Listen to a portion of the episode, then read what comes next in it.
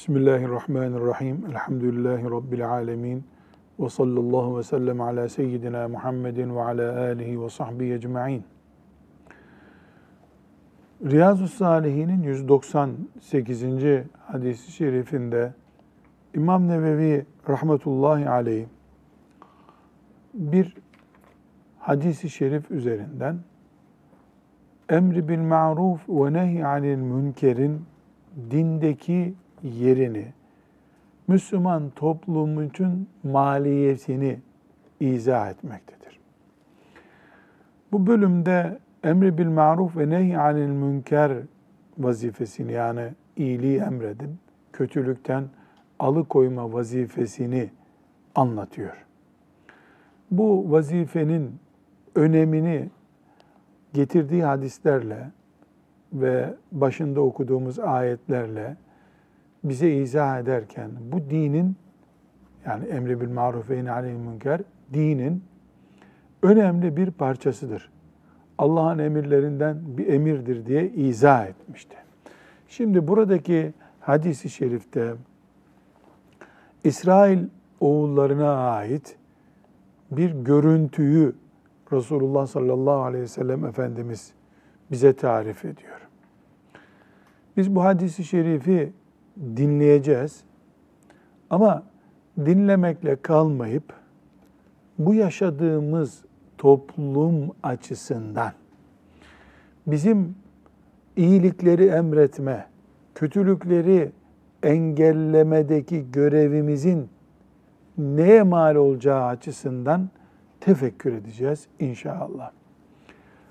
Anlaşılması kolay olsun diye uzunca bir hadis-i şerif ben özetleyeyim. Resulullah sallallahu aleyhi ve sellem Efendimiz İsrail oğullarına ait bir görüntüyü şöyle tasvir ediyor. Bir kötülük yapılırdı. O kötülüğü yapan insanların yanından o yapılan şeyin haram olduğunu bilen alim bir insan geçerdi. Onlara yapmayın yaptığınız kötüdür, günahtır derdi. Tabii ki bir kere de bir alimi kimsenin dinleyeceği yok. O da işine giderdi ya da ibadetine nereye gidiyorsa giderdi. Ertesi gün o yapmayın diye ikaz ettiği insanlar aynı yerde oturmuşlar. Aynı işi tekrar yapıyorlar. Alim de yine oradan geçiyor. Dün geçerken yapmayın bunu diye ikaz etmişti. Dinlememişlerdi. Bugün de nasıl olsa dinlemeyecekler diye onları kendi haline bırakıp bir şey uyarmadan çekip gidermiş. Alimin vazifesi kötülük kalkana kadar mücadele etmek. Haber bülteni okur gibi bir kere söyleyip çekip gitmek değil. O alimin görevi değil. Alim Allah'ın emirleri yerine gelinceye kadar, Allah'ın yasakları kalkıncaya kadar mücadele edecek. Söyleyecek, söyleyecek, söyleyecek. Nehyanil münker yapacak. O İsrail oğlunun alimi ise böyle yapmamış. Dün söyledim dinlemediler demiş. Bir tür Allah'a salmış onları yoluna devam etmiş. Sonra onun bu tavrını Allahu Teala bütün İsrail oğullarının lanetlenme sebebi olarak önümüze koyuyor. Maide suresinde Allah Teala "Lu'inellezine keferu min beni İsrail" diye başlayan ayetinde bu İsrail oğulları Davud'un ve İsa'nın lisanından lanetlendiler diyor. Yani bir peygamberin lanet etmesi ne demek? Allah'ın lanet etmesi demektir. İsrail oğullarının neden bu kadar lanetli bir toplum olduklarının cevabını buluyoruz. Çünkü onlar bu lanet hak etmiş insanlar birbirlerinin kötülüklerini engellemiyorlardı. kötülükleri engellemedikleri için kötüleri de iyileri de bu laneti aldılar. Olay nasıl başlamıştı? Bir grup diyelim ki serserilik yapıyor bir yerde. Bir alim onlara yapmayın, ayıptır, günahtır diyor. Onlar onun sözünü dinlemiyorlar. O alim de ertesi gün onlara müdahale etmeye devam etmiyor bir daha. Bunun sonucu ne? Bunun sonucu lanetli bir toplum olmak. İşte Nevevi rahmetullahi aleyh Resulullah sallallahu aleyhi ve sellemin bu ikazını buraya hadis olarak kaydediyor. Neden? Çünkü biz İsrail oğullarının eski ümmetlerden birisinin kör taklidini yapacak bir ümmet değiliz. Onların tarihi bizi çok da ilgilendirmiyor. Ama ders çıkaracağız.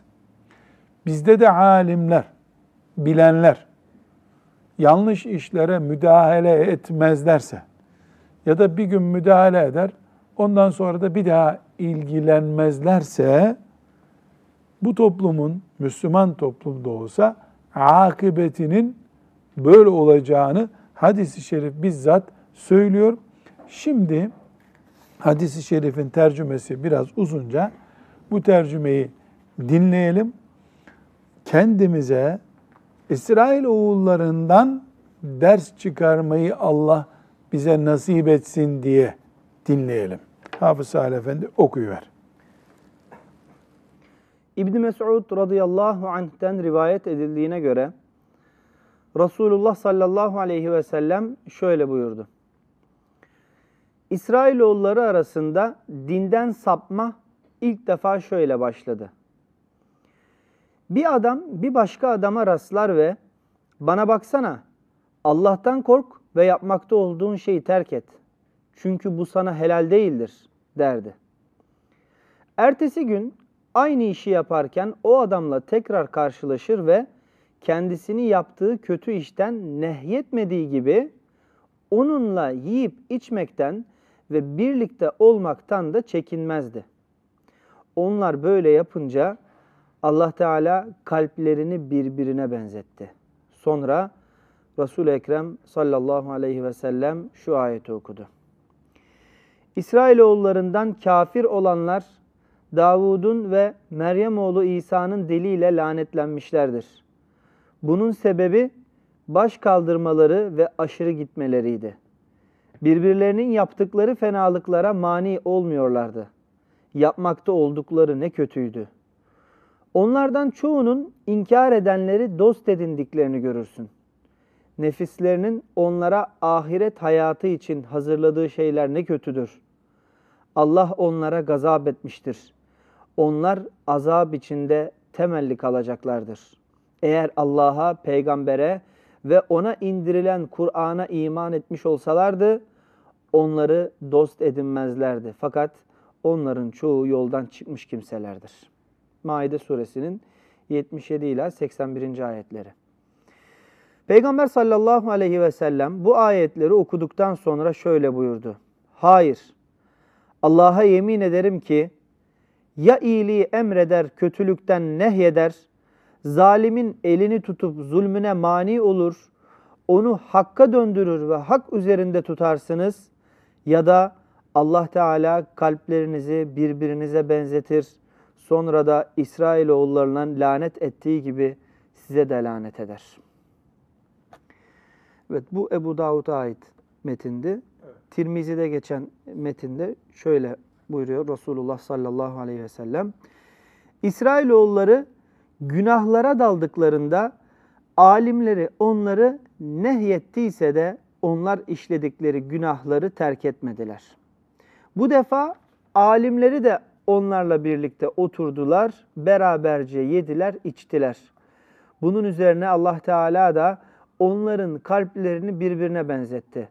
Davud ve Meryem oğlu İsa'nın diliyle onlara lanet etti. Bu onların isyan etmeleri ve haddi aşmaları sebebiyleydi.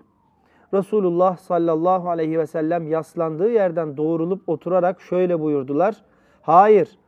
Canımı gücü ve kudretiyle elinde tutan Allah'a yemin ederim ki onları hakka boyun eğdirinceye kadar bu böyle devam edecektir. Sallallahu aleyhi ve sellem. Özetleyebiliriz.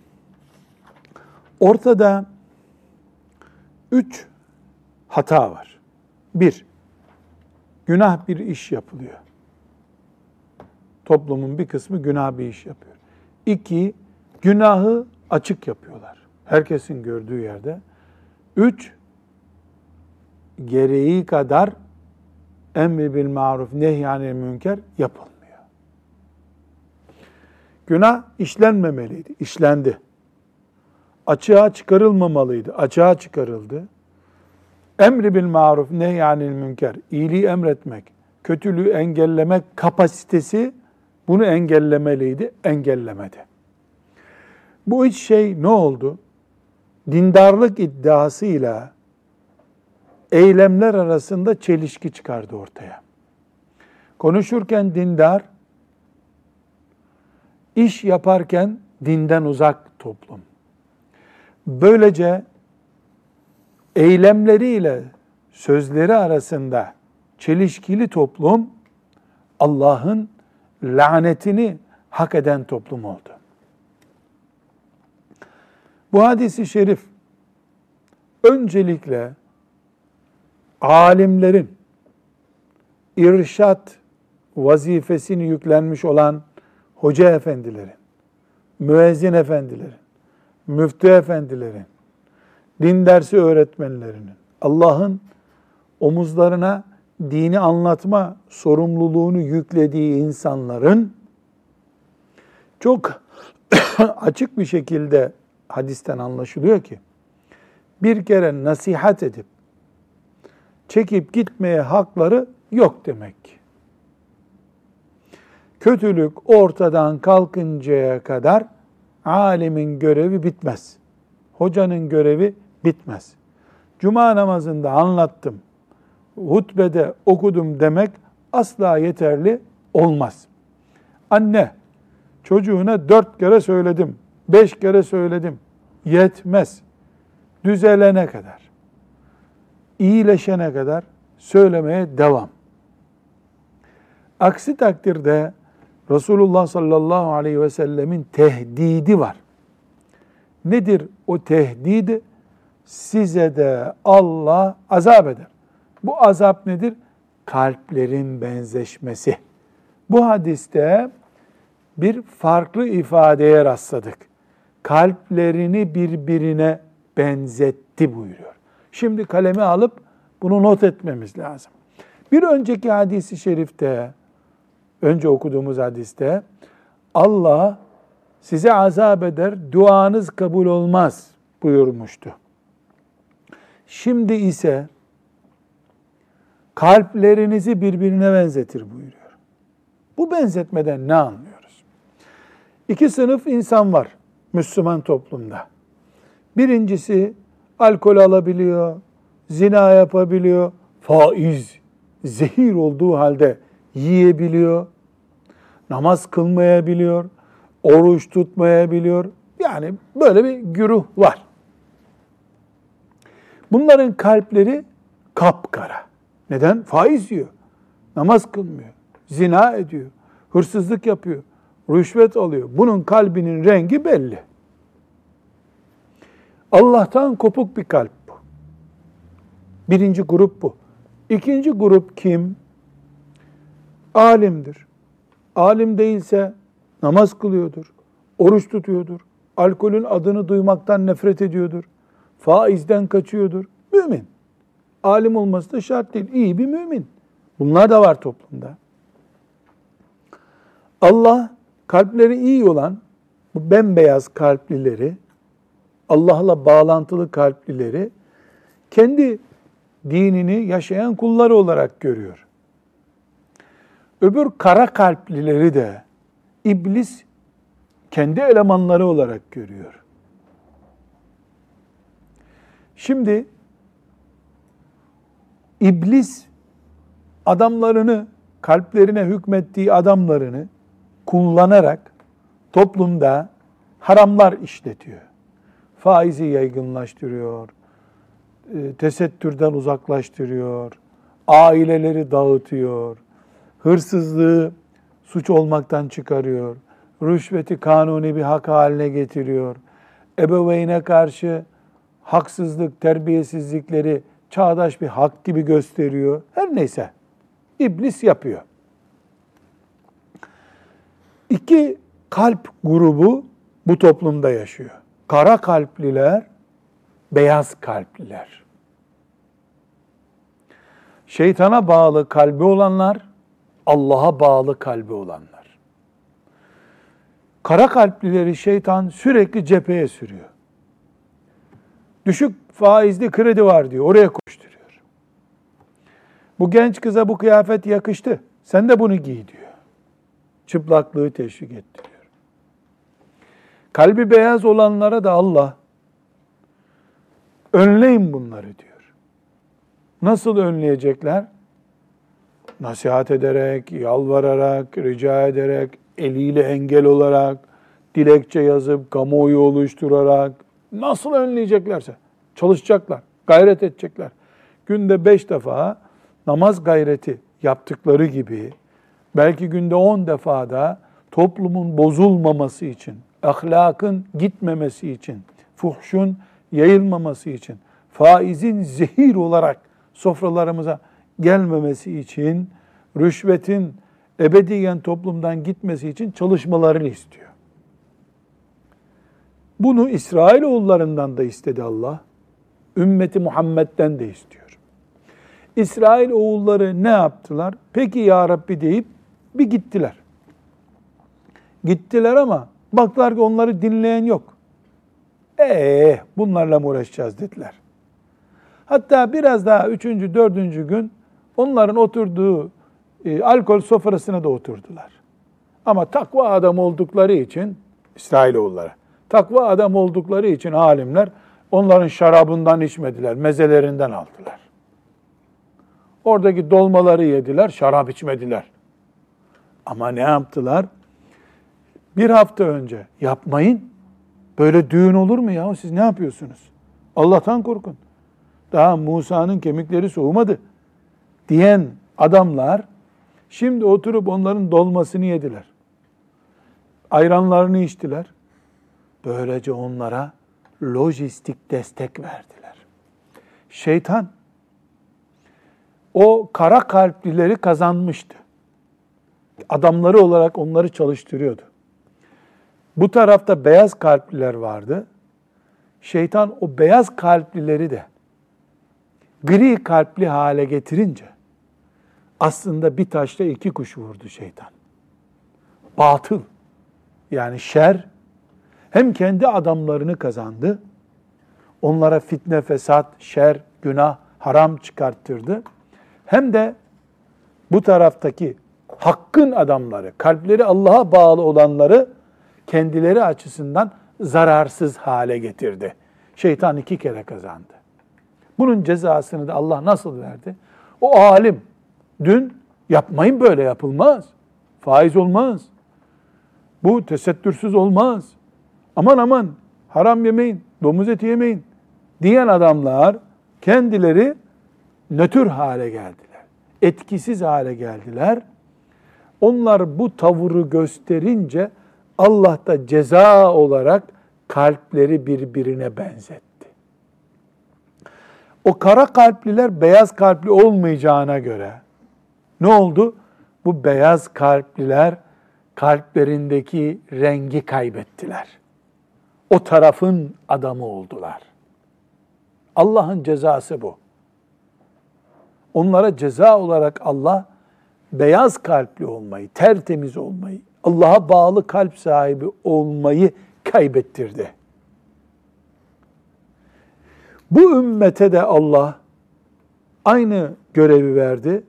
Bu tarafta şeytan adamlarını faizle, zina ile, çıplaklıkla, yalanla, ana babaya zulümle, kardeşlik hakkını öldürmekle, iftira ile şeytan adamlarını öne çıkardığında siz hemen gidin engelleyin bunu ha diye Allah görev verdi.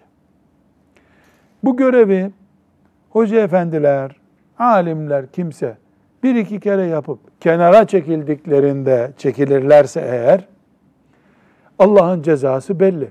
Nedir o? Sizin göreviniz sürekli bunu ilan etmek. Her gün ezan okunuyor. 1400 senedir okunuyor. Yeter bu kadar deniyor mu? Yok. Her sabah ezan okunuyor.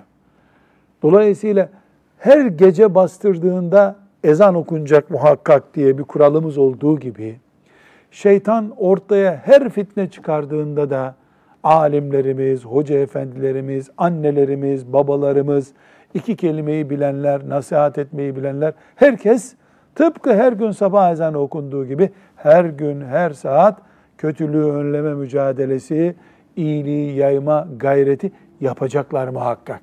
Yapmazlarsa ne olur?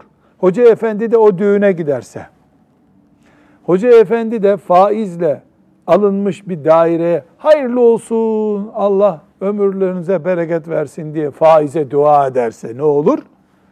Bunların beyaz kalpliliklerini Allah Teala silip onların kalbi gibi yapar, kalplerini benzeştirir. Peki akıbet ne olur? Nauzu billah. Tehlikeli boyutu da orası zaten. Akıbet çok kötü olur. Bu 198. hadisi şerif Riyazu Salihinde hepimizin oturup tefekkür etmesi gereken şeydir. Bu bir iman erozyonudur. Çağdaş ifadede asimilasyon deniyor.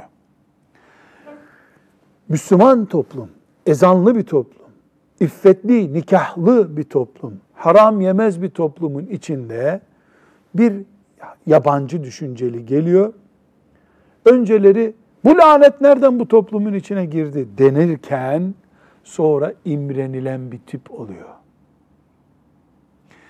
Bir düğünde, tesettürlü kadınların düğününde, bir hoca efendinin, hacı efendinin, iyi bir Müslümanın kızının düğününde bir tane şirret biri geliyor. Güya o da tesettürlü ama yüzde beş öbürlerine göre tesettürü esnetmiş bir kıyafetle geliyor. Genç kızlar, aa bunu nereden aldın? Ne kadar yakışmış sana diyor. Annesi diyor ki, kızım o tesettür değil ama diyor. Anne tam da çıplaklık değil ama yok yok kızım o tesettür değil diyor. Eve geliyorlar. Kız diyor ki filanca ablanın kıyafeti güzel değil miydi ama diyor. Anne de kızım güzeldi ama e, yakışmaz bize diyor. Olay bitti. Taviz başladı çünkü. Taviz başladı. Yüzde beşlik tesettürden verilen tavizin sonu yüzde yüze kadar gidiyor. Çünkü bir yerden sökülmeye başlayan bir örgü nerede duracağı belli değil. Örgünün sonuna kadar gidecek. Dinden, ahlaktan, insanlıktan hiç ödün vermemek lazım. Sıfır ödün vermek ilkemiz olacak. Neden? Çünkü bir puan düşürüyorum derken sen tamamını düşürmüş olabiliyorsun. Maazallah. Bu bir afet. Bu bir sıkıntı. Ümmetimizin içinde bu tip çürüklükler bu yüzden oldu. Faizi zararsız gören anlayış böyle başladı. Hacı efendilerin kızları böyle çıplak gezer oldular. Önce küçük bir acaba olur mu böyle tereddüdüyle başladılar. Sonunda bir fitneye dönüştü. Çöküme nedeni oldu. Allah muhafaza buyursun. Bu sebeple biz oturup kalbimizin Allah'a karşı asi durumda olanların kalbine benzemesine karşı bir tehlike bulunduğunu anlayacağız. Bu tehlikeden kendimizi koruyacağız. Ve kesinlikle Maide suresinin 78, 79, 80, 81. ayetlerini bir hoca efendi çağırıp o hoca efendiden okuyacağız veya tefsirden okuyacağız, öğreneceğiz. Çünkü Kur'an bizim Kur'an'ımız. Bu ayetler bize söylüyor. İsrail oğullarını anlatıyor Allah, akıbetlerini hatırlatıyor, bize söylüyor. Bize söylüyor. Resulullah sallallahu aleyhi ve sellem Efendimiz de ne buyuruyor? Ya kötüleri engellersiniz ya da kalplerinizi Allah onlara benzetir. Dün ayıpladığınız şeyi bugün yaparsınız siz. İşte bu kalp benzeşmesi. Allah'ın bir lanet çeşididir bu. Bir azap çeşididir. Mümin bu azaba karşı, Resulullah sallallahu aleyhi ve sellemin bu tehdidine karşı basiretli olmak zorundadır. 199. hadisi şerif yine benzer bir konuyu ele alıyor. Ebu Bekir radıyallahu anh bir ayet üzerinden Müslümanları ikaz ediyor. Ayet Ya eyyühellezine amenu aleykum enfusekum La yadurrukum men dalle izehtedeytum ayeti. Bu ayet Maide suresinin 105. ayetidir. Efendimiz sallallahu aleyhi ve sellemin terbiyesini görmüş olan Ebu Bekir radıyallahu anh bu ayeti insanların yanlış anladığını görmüş. Ayet ne diyor? Ey iman edenler! Siz eğer hidayet üzereyseniz, siz hidayet üzereyseniz, yani iyi müminseniz, kötünün kötülüğünden size zarar gelmez. Bunu dışarıdan baktığında ne anlaşılıyor? Yani ben namaz kılıyorum. Haşa içkiyle, alkolle, zina ile hiç alakam yok. Demek ki meyhanecinin meyhanesi Allah'tan bulsun. Namaz kılmayan Allah'tan bulsun. Ebu Bekir radıyallahu anh insanların böyle anladığını hissetmiş. Bakın insanlar siz yanlış anlıyorsunuz demiş. Allah ne buyuruyor? İzehtedeytüm. Siz hidayet üzere iseniz, tam Müslüman iseniz diyor. Emri bil maruf Allah'ın emirlerinden bir emir değil mi? Nehy anil münkeri Allah emretmiyor mu? Biz hiç namaz kılmayan birine hidayet üzere bir Müslümandır diyebiliyor muyuz? Oruç tutmayan birine hidayet üzere bir Müslümandır diyebiliyor muyuz? Denir mi? Denmez. Oruç tutmuyor adam. Emri bil maruf ve nehy anil münker de Allah'ın namaz gibi, oruç gibi bir emri. Onu yapmayan hidayet üzere değil ki. O zaman ayetin aslı nasıl? Ey müminler! Siz hidayet üzere iseniz, yani alkol tüketmiyorsanız, zina yapmıyorsanız, faiz yemiyorsanız, namaz kılıyorsanız, oruç tutuyorsanız, hac ettiyseniz, emri bil maruf görevinizi de yaptıysanız, iyiliği emrettiyseniz, kötülüğü engellemeye çalıştıysanız, bırakın onlar ne yaparsa yapsın. Size onların zararı yok. Ne zaman zararı yok ama? Siz hidayet üzereyseniz, namaz kılmayan hidayette değil ki. Yeğeninin kötülüklerine ses çıkarmayan, hidayet üzere değil ki diye Ebu Bekir As-Sıddık radıyallahu anh ikaz etmiş. 199. hadisi şerif Riyazu Salihinde bu hadis-i şerifin tercümesini okuyalım Hafız Salih. İnşaallahu Teala e, bu ayeti doğru anlamak ve gereğini de yapmak bize nasip olur. Buyur oku. Ebu Bekir Es-Sıddık radıyallahu anh şöyle dedi. Ey insanlar! Şüphesiz siz şu ayeti okuyorsunuz. Ey iman edenler! Siz kendinize bakın. Doğru yoldaysanız sapıtan kimse size zarar veremez. Hepinizin dönüşü Allah'adır. İşlemekte olduklarınızı size haber verecektir.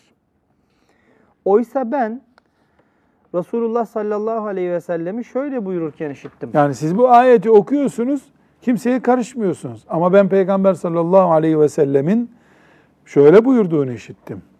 Şüphesiz ki insanlar zalimi görüp de onun zulmüne engel olmazlarsa Allah'ın kendi katından göndereceği bir azabı hepsine umumileştirmesi yakındır. Bu hadis Ebu Davud, Tirmizi ve İbn Mace'nin rivayet ettiği bir hadisi şeriftir. Özeti neydi tekrar edelim. Kur'an-ı Kerim'de bir ayet var. Siz kendinizi düzeltmeye bakın. Doğru yolda iseniz siz kötülerin kötülüğü size zarar vermez. Bu ayeti insanlar nasıl anlamaya başlamışlar? Ben namazımı kılıyorum, kılmayandan bana ne şeklinde anlamışlar. Ebu Bekir radıyallahu anh ise bunu yanlış anladıklarını ikaz etmiş. Neden? Çünkü zalimin zulmünü engellemek diye bir görev var. Bu görevi de Allah kullarına vermiştir. Sen Allah'ın bu görevini yok saydıktan sonra nasıl kendine bakacaksın doğru yolda olduğunu düşüneceksin ki? Namaz kılmayan doğru yolda olmadığı gibi toplumun gidişatıyla ilgilenmeyen, yeğeniyle, kuzeniyle, baldızının ahlakıyla, eniştesinin yanlışlıklarıyla ilgilenmeyen, her koyunu kendi bacağından asarlar diye veren insanlar hidayet üzere değiller ki. Tamam hacca gitmiş, haçtan döndükten sonra namaz kılmıyor mesela. Ya da namaz kılıyor, parası olduğu halde, sağlığı olduğu halde hacca gitmiyor. Hidayet üzere mi bu adam? Arızalı. Hidayet üzere değil. Emri bil ma'ruf ve nehy anil münkerde Allah'ın emirlerinden bir emir. Onu yapmayınca sen maşallah çok salih, müttaki bir adam olamazsın ki. Kendin arızalısın diye ikaz etmiş. Buradaki Resulullah sallallahu aleyhi ve sellem Efendimizin sözünden şüphesiz ki insanlar zalimi görüp de onun zulmüne engel olmazlarsa zalim elini kolunu sallayarak dolaşabilirse ezan okunan bir şehirde hırsız olur, rüşvetçi bir memur olur, yalan konuşan biri olur, babasına el kaldırmış nasipsiz bir delikanlı olur. Bu Müslümanların ticarethanelerine girebiliyorsa, çay ocaklarında gelip çay içebiliyorsa, böyle bir arıza varsa zalim engellenmiyor demektir. Zalim engellenmesi Allah kendi katından göndereceği bir azabı hepsine umumileştirir. Umumileştirir. Yani bu suçu yüz kişi işler. Bir milyonluk bir şehirde. Azabı bir milyon görür. E nasıl oluyor? Şöyle oluyor. Bir milyon nüfus yüz tane rüşvetçiyi nasıl ıslah edemez? Yüz tane alkol kullananı nasıl böyle gözleriyle kontrol altında tutamazlar? Hiç mi cami imamı yok? Hiç mi hacca giden mümin yok? Hiç mi Kur'an bilen mümin yok? Var. Camiler doluyor. Ne işe yarıyor bu camileri dolduranlar? Ramazanlarda iftar edenler ne işe yarıyor? Mesela belediyeler iftar verirler. Allah rızası için yapıldığını kabul edelim. Niyetleri Allah biliyor çünkü. Bir vatandaş belediyede kendi evinde iş görüyor gibi rahatlıkla, rüşvete ihtiyaç olmadan, torpil bulmadan iş göremiyorken o belediye başkanı ne hakla iftar veriyor ki? Senin asıl görevin iftar vermek mi? Belediyede adaleti sağlamak mı? Belediyeye gelen bir kadın sanki kendi evinin bir odasından öbür odasına gider gibi rahatlıkla evraklarını imzalatıp çıkamıyorsa eğer, sen bunu sağlayamadıysan, 10 tane memuruna sen adaletli olmayı sağlayamadıysan, 10 bin kişiye iftar versen ne olur, sahur versen ne olur? Ne yapıyoruz? Ne yapıyor o belediye? Yapamadığı bir işi yaptığını zannettiği bir şeyle kapatıyor. Allah kanmaz bu tip işlere. Melekleri kandıramaz kimse. Kendi kendini kandırıyor insanlar. Müslüman bir toplumda mutlak bir hürriyet yoktur. Ne demek mutlak bir hürriyet? Sınırsız bir hürriyet yoktur. Evinde belki bir alkol kullanabilirsin. Ama bunu içtiğini teşhir edemezsin. Alkolü teşhir etmek Allah'ın yasağına karşı hürriyet kullanmaktır. Böyle bir hürriyet yoktur. Alan razı, veren razı diye rüşvet hürriyet olamaz. Mutlak hürriyet, sınırsız hürriyet yoktur. Allah'ın şeriatına göre sınırlandırılmış hürriyet vardır. Çünkü biz kuluz. Hürüz ama insanlar olarak birbirimize karşı hürüz. Allah'a karşı hür değil, kuluz. Allah'ın kullarıyız ama insanlar olarak birbirimize hür bakarız. Hür davranırız. Fakat bu hürriyette anne babaya karşı kullanılabilir bir hürriyet değildir. Anne baba gene seni sınırlayacak. Çünkü ananın babanın rızası Allah'ın rızasıdır. Özeti nedir bu işin? Müslümansa bir toplum, o toplumda zalim karşısında Müslümanları bulacak. Mazlum yanında mümin kardeşlerini bulacak. Dul bir kadın yanında yaşadığı şehrin bütün insanlarını bulmuyorsa, zalim o sokaklarda rahat dolaşabiliyorsa, hiçbir şekilde Allah'ın azabından korunmuşluk yoktur o toplumda. Azap nasıl gelir? Kalpler birbirine benzeştirilerek, toplumdan bereket giderek, manevi hazlar giderek nasıl murad ederse Allah.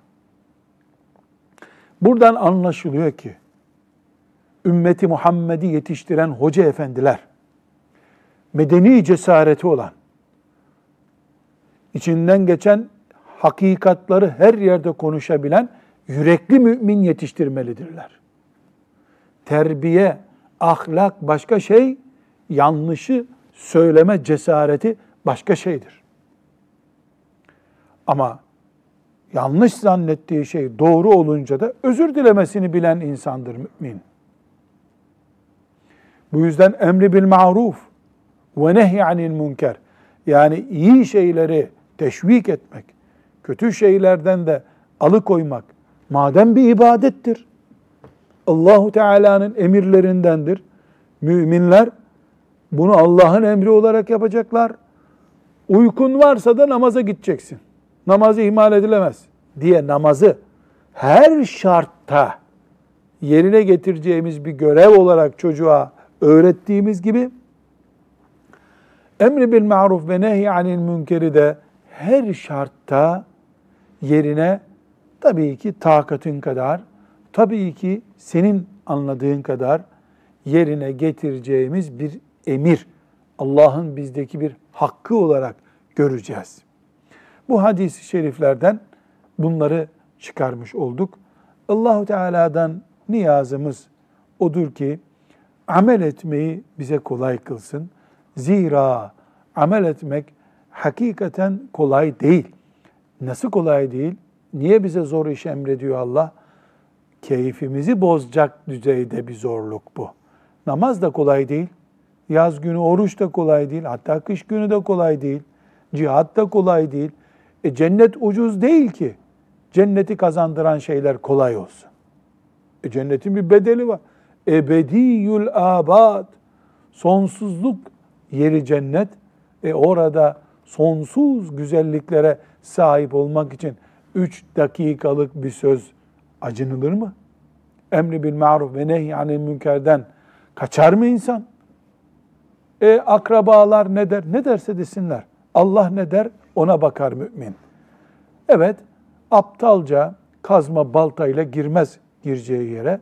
Basiretli, sözünün, e, kişiliğinin oturduğu bir ortamda kendi kapasitesine göre, bilgi düzeyine göre konuşur. Sitem etmez, bağırmaz, çağırmaz, ikaz eder. Kalpler Allah'ın elindedir.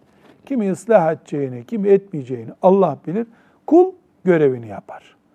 Sallallahu aleyhi ve sellem ala seyyidina Muhammed ve ala alihi ve sahbihi ecma'in velhamdülillahi rabbil alemin.